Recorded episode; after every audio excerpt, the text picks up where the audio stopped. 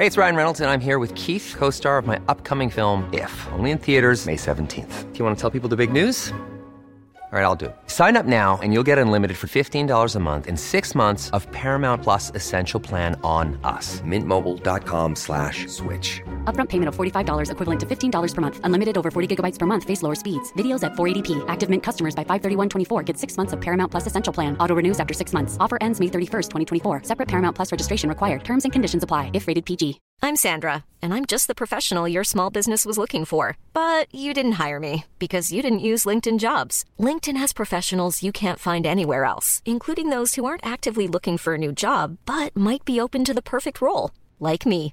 In a given month, over 70% of LinkedIn users don't visit other leading job sites. So if you're not looking on LinkedIn, you'll miss out on great candidates like Sandra.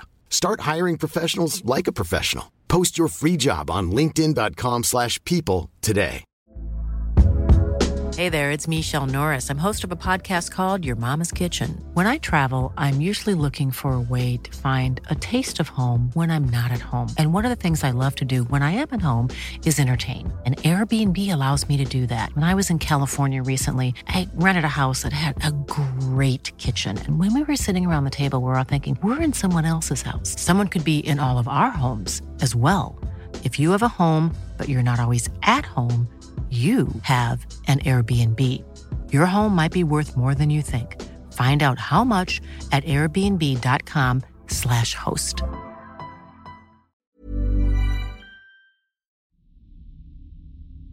Hon kallar mitt namn utifrån köket. Jag skakar i hela kroppen och kramar kniven så att knogarna vitnar. Ber ljudlöst till gudar jag aldrig trott på. Att hon inte ska hitta mig. Hon säger mitt namn med samma röst som kärleksfullt viskade det kvällen innan. Men det är inte hon. Det är något helt annat. Jag trycker kroppen hårt intill väggen så att hon inte ska se mig när hon kommer in. Hon passerar mitt gömställe med lätta fötter. Jag höjer kniven, redo att hugga den här varelsen i ryggen. Vad det än är.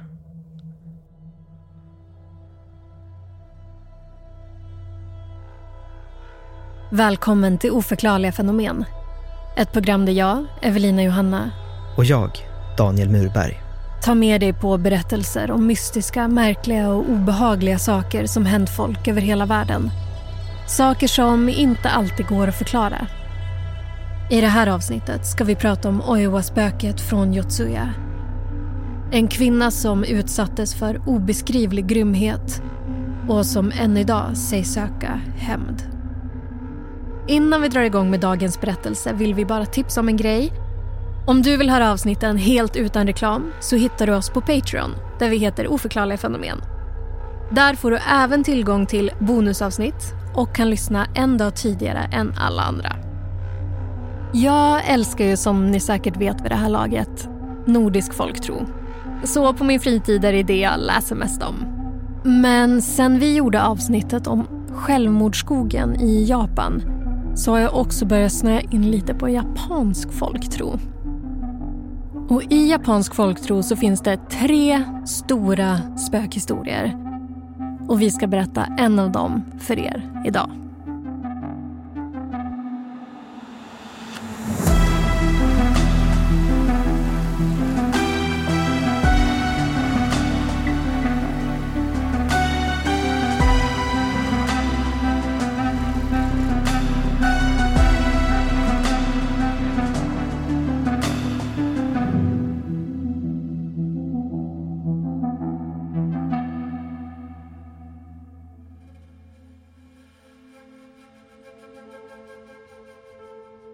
Yotsuya Kaidan, spökberättelsen från Yotsuya, är förmodligen den kändaste av alla spökhistorier från Japan och har berättats i en mängd olika versioner genom århundraden. Berättelsen började som en folksaga på 1600-talet och handlar om den godhjärtade och otroligt vackra Oiwa som är gift med en så kallad ronin, en herrelös och fattig samuraj vid namn Tamiya Emon Emon är en grym och oärlig samuraj och Oiwa vill inget hellre än att lämna honom. När hennes far konfronterar Emon och ber honom att låta henne gå så hugger Emon ner sin svärfar.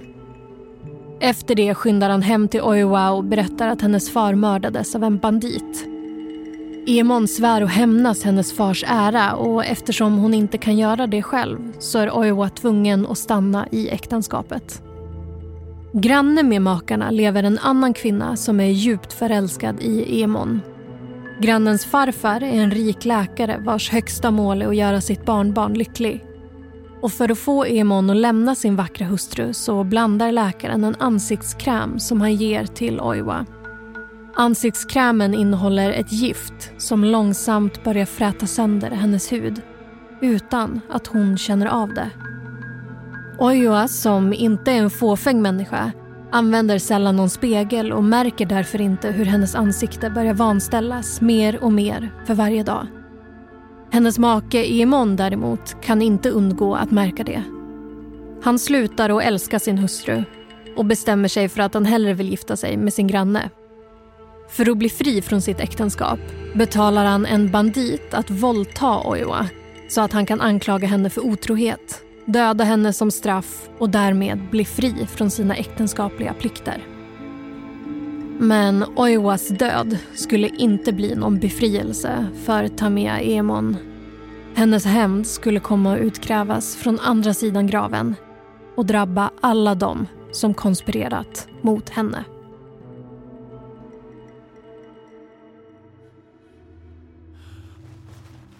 Jag vaknar med ett ryck och ser mig omkring i det mörka rummet. Först förstår jag inte var jag är någonstans, men snart minns jag. Mitt hjärta dunkar hårt och kudden är blöt av svett. Jag måste haft en mardröm. Det plingar till från nattduksbordet och jag vänder på mobilen. Det måste varit det som väckt mig. Fyra missade samtal från Nadja. Jag kommer bli tvungen att hitta på någon ursäkt. Det är inte så svårt att hitta på ursäkter när vi har så mycket nattinspelningar. Om man inte stänger av mobilen för att man filmar så stänger man av den för att man måste sova ut mellan de tuffa inspelningspassen. Igår kväll besökte de Oiwas grav. Regissören och flera andra i casten. Det är tradition för alla som ska göra en film baserad på Jutsuya Kaidan.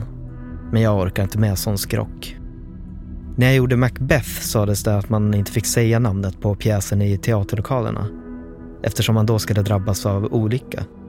Men jag höll inte på med andra namn och snackade om den skotska pjäsen som de andra gjorde. Jag sa Macbeth, som den heter och mina kollegor hoppade till som om scenljusen skulle falla i huvudet på dem. Hur som helst, jag kan säga till Nadja att jag följde med till graven och att vi gick ut och drack öl efteråt. Inga konstigheter. Jag kände genast en bitter klump av skam i halsen. När blev det så lätt för mig att ljuga för min egen fru? Jag vänder mig om i sängen och ser på det vackra mörka håret som ligger utspritt över de vita lakanen framför mig.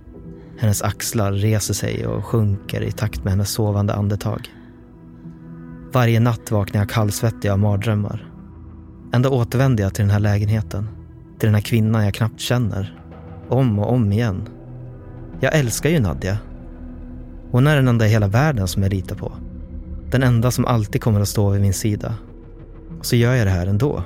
Medan hon stannar hemma för att ta hand om våra barn så att jag ska kunna filma i Tokyo. Så ligger jag här, i en annan kvinnas säng. Kanske är det skuldkänslan. Men jag vill instinktivt närmare kvinnan bredvid mig. Jag sträcker ut en hand och lägger den mot hennes rygg. Hon känns kall. Trots att det är varmt i lägenheten. Iskall, faktiskt.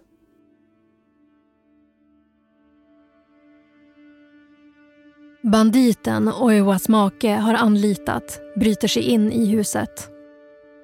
Men när han får se Oiwas ansikte blir han så förskräckt att han överger sitt uppdrag och tar istället fram en spegel. För första gången får hon se vad salvan har gjort med henne. Den sönderbrända huden och det hängande, vanställda ögat. Oiwa blir förfärad och försöker kamma över sitt hår för att dölja missbildningen. Men då faller håret av från hennes skalle i stora, blodiga tussar. Banditen berättar allt för henne. Om komplotten som Emon och läkaren utsatt henne för. Om mordet på hennes far. Men det är för sent. Trots att banditen inte ens genomfört sitt hemska uppdrag så anklagar Emon sin hustru för otrohet och som straff spikas Oiwa fast mot en träplanka och slängs levande i floden. Med sina sista andetag förbannar hon sin otrogne makes namn.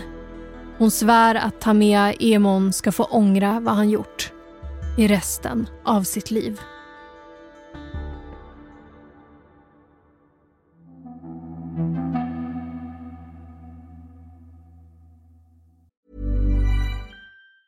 Hey, it's Ryan Reynolds, and I'm here with Keith, co star of my upcoming film, If, only in theaters, May 17th. Do you want to tell people the big news?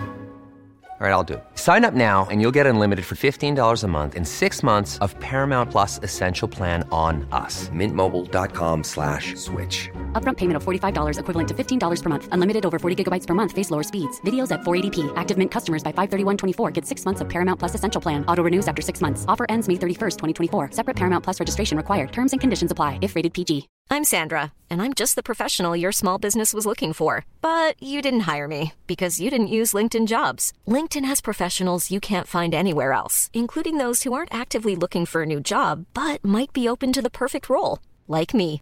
In a given month, over 70% of LinkedIn users don't visit other leading job sites. So if you're not looking on LinkedIn, you'll miss out on great candidates like Sandra. Start hiring professionals like a professional. Post your free job on linkedin.com/people today. Hey there, it's Michelle Norris. I'm host of a podcast called Your Mama's Kitchen. When I travel, I'm usually looking for a way to find a taste of home when I'm not at home. And one of the things I love to do when I am at home is entertain. And Airbnb allows me to do that. When I was in California recently, I rented a house that had a great kitchen. And when we were sitting around the table, we we're all thinking, we're in someone else's house. Someone could be in all of our homes as well. If you have a home, but you're not always at home, you have an Airbnb. Your home might be worth more than you think. Find out how much at airbnb.com/slash host.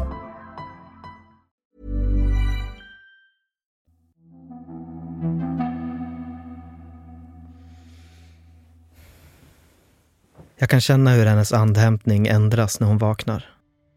Den slutar faktiskt helt. Och nu ligger hon alldeles stilla. Trots alla skuldkänslor som nyss vält genom mig kan jag inte motstå och sträcka ut handen och röra vid hennes hår. Låta de mjuka, svarta lockarna glida genom mina fingrar. Men det är då jag känner att något är fel. Fastän jag knappt gripit tag i håret så är det som att det lossnar från hennes hårbotten. Jag får med mig en hel näve av tjocka svarta testar. Det vänder sig i magen på mig. Drog jag verkligen så hårt? Jag stirrar som förstenad på håret som hänger från min hand.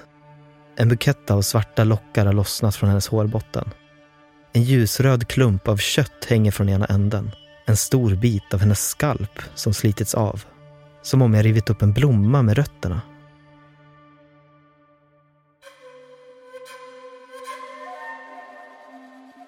Yotsuya Kaidan räknas som en av Japans tre stora spökhistorier.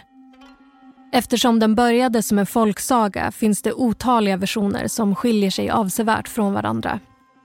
Hur mycket av berättelsen som faktiskt är sant råder det delade meningar om. Men vi vet att Oiwa och hennes make, samurajen Emon, har funnits på riktigt och vid deras hus har man byggt ett altare som ska vara en av de mest hemsökta platserna i Japan. Det sägs att en kvinna klädd helt i vitt vandrar längs gatan om natten med sitt långa svarta hår hängande framför ansiktet. När hon kommer nära drar hon håret åt sidan för att visa sitt vanställda utseende och skrattar hånfullt medan de som sett henne flyr i skräck. Jag flämtar efter andan och släpper taget om stycket av hår och kött i min knutna näve. Jag väntar mig att hon ska skrika av smärtan. Men hon verkar inte alls ha märkt något. Hon vänder sig långsamt om i sängen för att se på mig. Jag vill inte att hon ska se vad jag gjort. Det var ju inte meningen. Jag tog ju knappt tag i håret. Men när hon vänder sitt ansikte mot mig så är det inte skuld som griper mig, utan skräck. För det är inte bara ett stycke av håret som fallit av. Stora tussar av håret har lossnat och blottar nu en flagande, varigt blödande skalle. Hennes ansikte är helt vanställt. Huden sönderfrätt och rosa som rått kött. Som om någon hällt syra över det. Ena halvan av ansiktet ser ut att ha sjunkit ihop. Som en vaxdocka som smält i solen. Vänstra ögat har lossnat ur sitt fäste och hänger halvt ur sin ögonhåla. Pupillen blind och grå. Det här är inte samma person som jag gick och la mig med. Det här är någon annan. Något annat. Hon ler ett krökt leende. Inte kärleksfullt, utan liksom skadeglatt. Som att hon flinar av skräcken hon läser i mitt ansikte.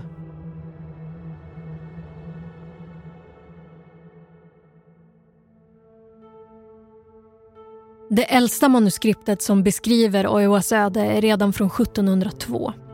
Berättelsen populariserades hundra år senare genom en kabuki-pjäs, en klassisk japansk teaterform. Pjäsen blev så otroligt populär att den fick sätta in extra föreställningar varje dag i flera månader. Föreställningens stora genomslagskraft berodde på att det var en av de första som tog spökhistorien från aristokraternas rika herrgårdar till de lägre klassernas hem. Det var de lägre klasserna som besökte teatern och de fick nu för första gången se spöken gestaltas i sina egna hemmamiljöer. Sedan dess har Yotsuya Kaidan adapterats till teater och i litteratur otaliga gånger i vitt skilda versioner och det har gjorts mer än 30 filmer om Oiwa och hennes make. Så sent som 2014 gjorde skräckregissören Takashi Miikes sin egen tolkning i långfilmen Over your dead body. Men även skräckfilmer som The Ring och The Grudge är inspirerade av berättelsen. Det har dock inte alltid varit ofarligt att sätta upp pjäsen. Under de 200 år sedan den första kabuki-pjäsen sattes upp så sägs det att många teaterproduktioner och filminspelningar har drabbats av Oiwas förbannelse. Skådespelare som fick rollen som Oiwa brukade ofta bli sjuka eller råka ut för olyckshändelser. Bränder och tekniska bekymmer stängde ner teatrar och filminspelningar. En regissör som hävdade att förbannelsen bara var trams och teaterskrock sägs ha fallit ner från scenen och brutit båda sina ben. Till slut blev det tradition att varje gång man skulle producera film eller sätta upp teater baserat på Oiwas öde så gjorde skådespelarna pilgrimsfärd till Meogi-Ogi-templet i Tokyo där Oiwa själv ligger begravd för att visa respekt och stilla hennes ilska.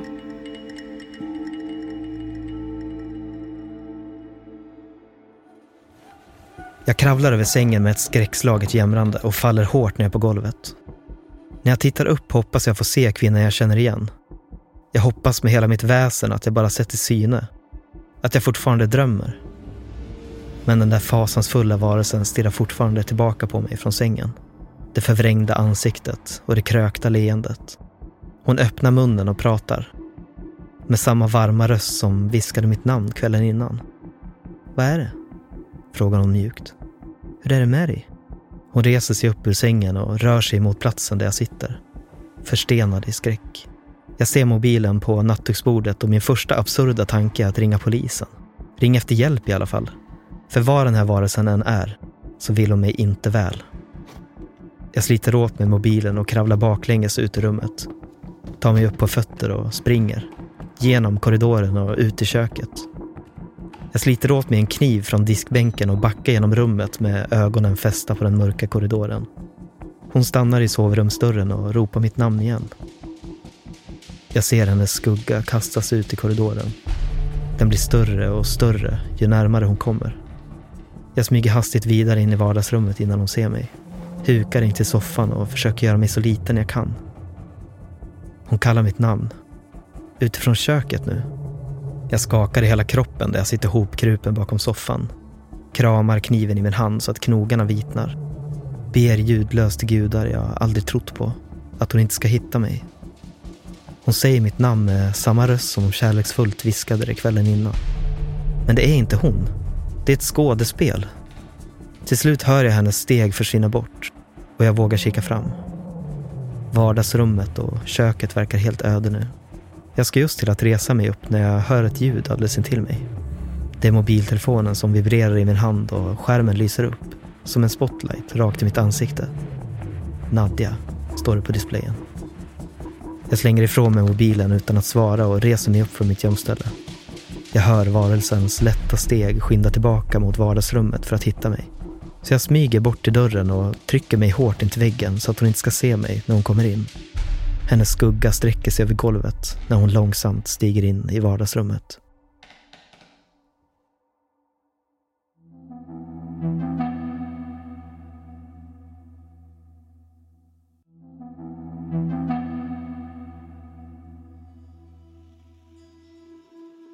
Berättelsen om Oiwas grymma öde slutar med att Tamia Emon gifter sig med sin granne, läkarens barnbarn. Men på bröllopsnatten vaknar han upp av mardrömmar och vänder sig då om för att se på sin nya hustru.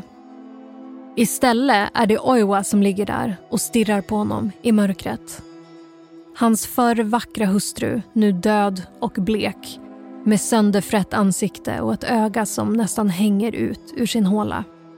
Förskräckt så drar Emon sitt svärd och hugger ner spöket som ligger i hans säng. Men han behöver bara blinka för att inse att det i själva verket är hans nya hustru som nu förblöder i de vita lakanen. Förfärad springer Emon över till grannhuset och bankar på dörren för att be om hjälp från sin nya svärfar. Men dörren öppnas och där står Oiwa återigen och skrattar honom rakt i ansiktet. Och igen hugger Emon svärdet genom henne. Ännu en gång behöver han bara blinka för att se att det är hans svärfar som nu ligger död på tröskeln. Tamea Emon blir tvungen att fly från sin hemstad. Laglös och efterlyst för mordet på både hustru och svärfar. Han flyr långt bort för att komma undan men vart han än tar vägen så väntar Oiwa på honom. Han ser hennes ansikte i eldstaden, i spegeln, i dimman, i mörkret. Hur långt bort han än flyr så kan han inte komma undan. Och i slutändan drivs Tamia Emon till vansinne. Han kastar sig ut från en klippa. Eller kanske är det Oiwa som knuffar honom. Oavsett så är det sista han ser hennes bleka, ärrade ansikte.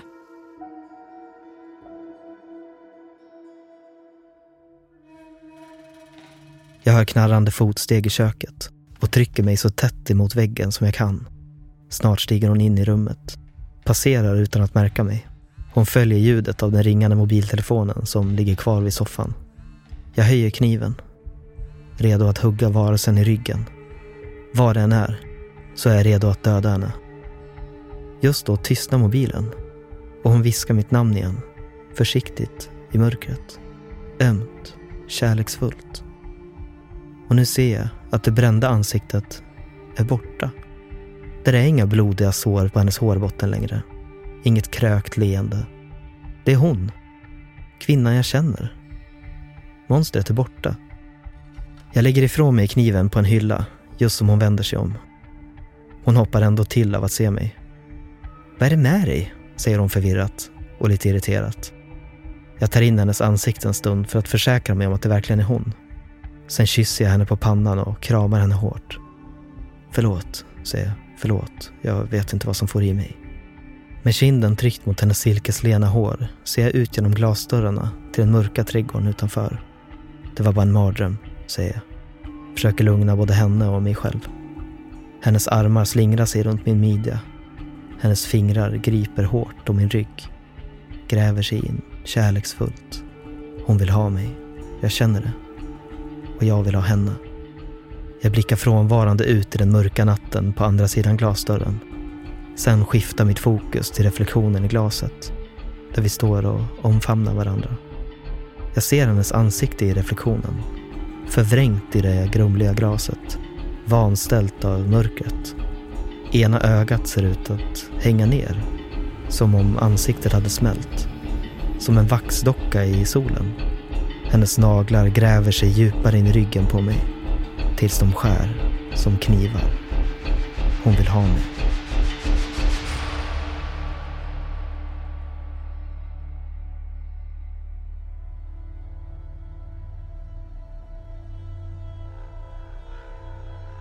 Du har lyssnat på Oförklarliga fenomen med mig, Evelina Johanna. Och mig, Daniel Murberg. Glöm inte att följa oss på TikTok där ni kan se bilder på Yotsuya Kaidan. Har ni idéer på fler oförklarliga fenomen? Lämna gärna en kommentar eller skriv till oss på TikTok eller Instagram. Båda hittar ni om ni söker på ät oförklarliga fenomen. I nästa avsnitt av Oförklarliga fenomen beger vi oss till Sibirien. År 1993 gav sig en vandringsgrupp upp i Kamardabanbergen och sågs aldrig till igen. Man trodde att de var förlorade för alltid tills en ensam flicka gick ut ur skogen med en fruktansvärd berättelse. Manuset till det här avsnittet är skrivet av Mårten Gisby. Redaktör Alex Häger. Originalmusik Adam Bejstam. Huvudtema Oscar Wendel. Ljuddesign Adam Renström. Exekutiv producent Daniel Murberg. Oförklarliga fenomen görs av oss på podcastbolaget Cast.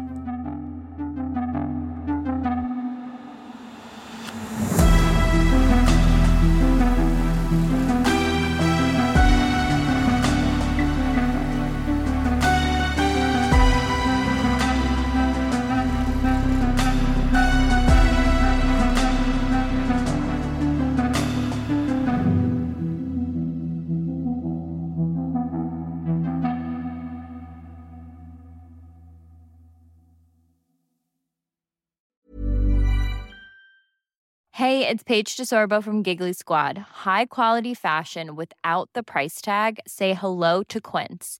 I'm snagging high-end essentials like cozy cashmere sweaters, sleek leather jackets, fine jewelry, and so much more. With Quince being 50 to 80% less than similar brands. And they partner with factories that prioritize safe, ethical, and responsible manufacturing. I love that. Luxury quality within reach. Go to quince.com slash style to get free shipping and 365 day returns on your next order. Quince.com slash style.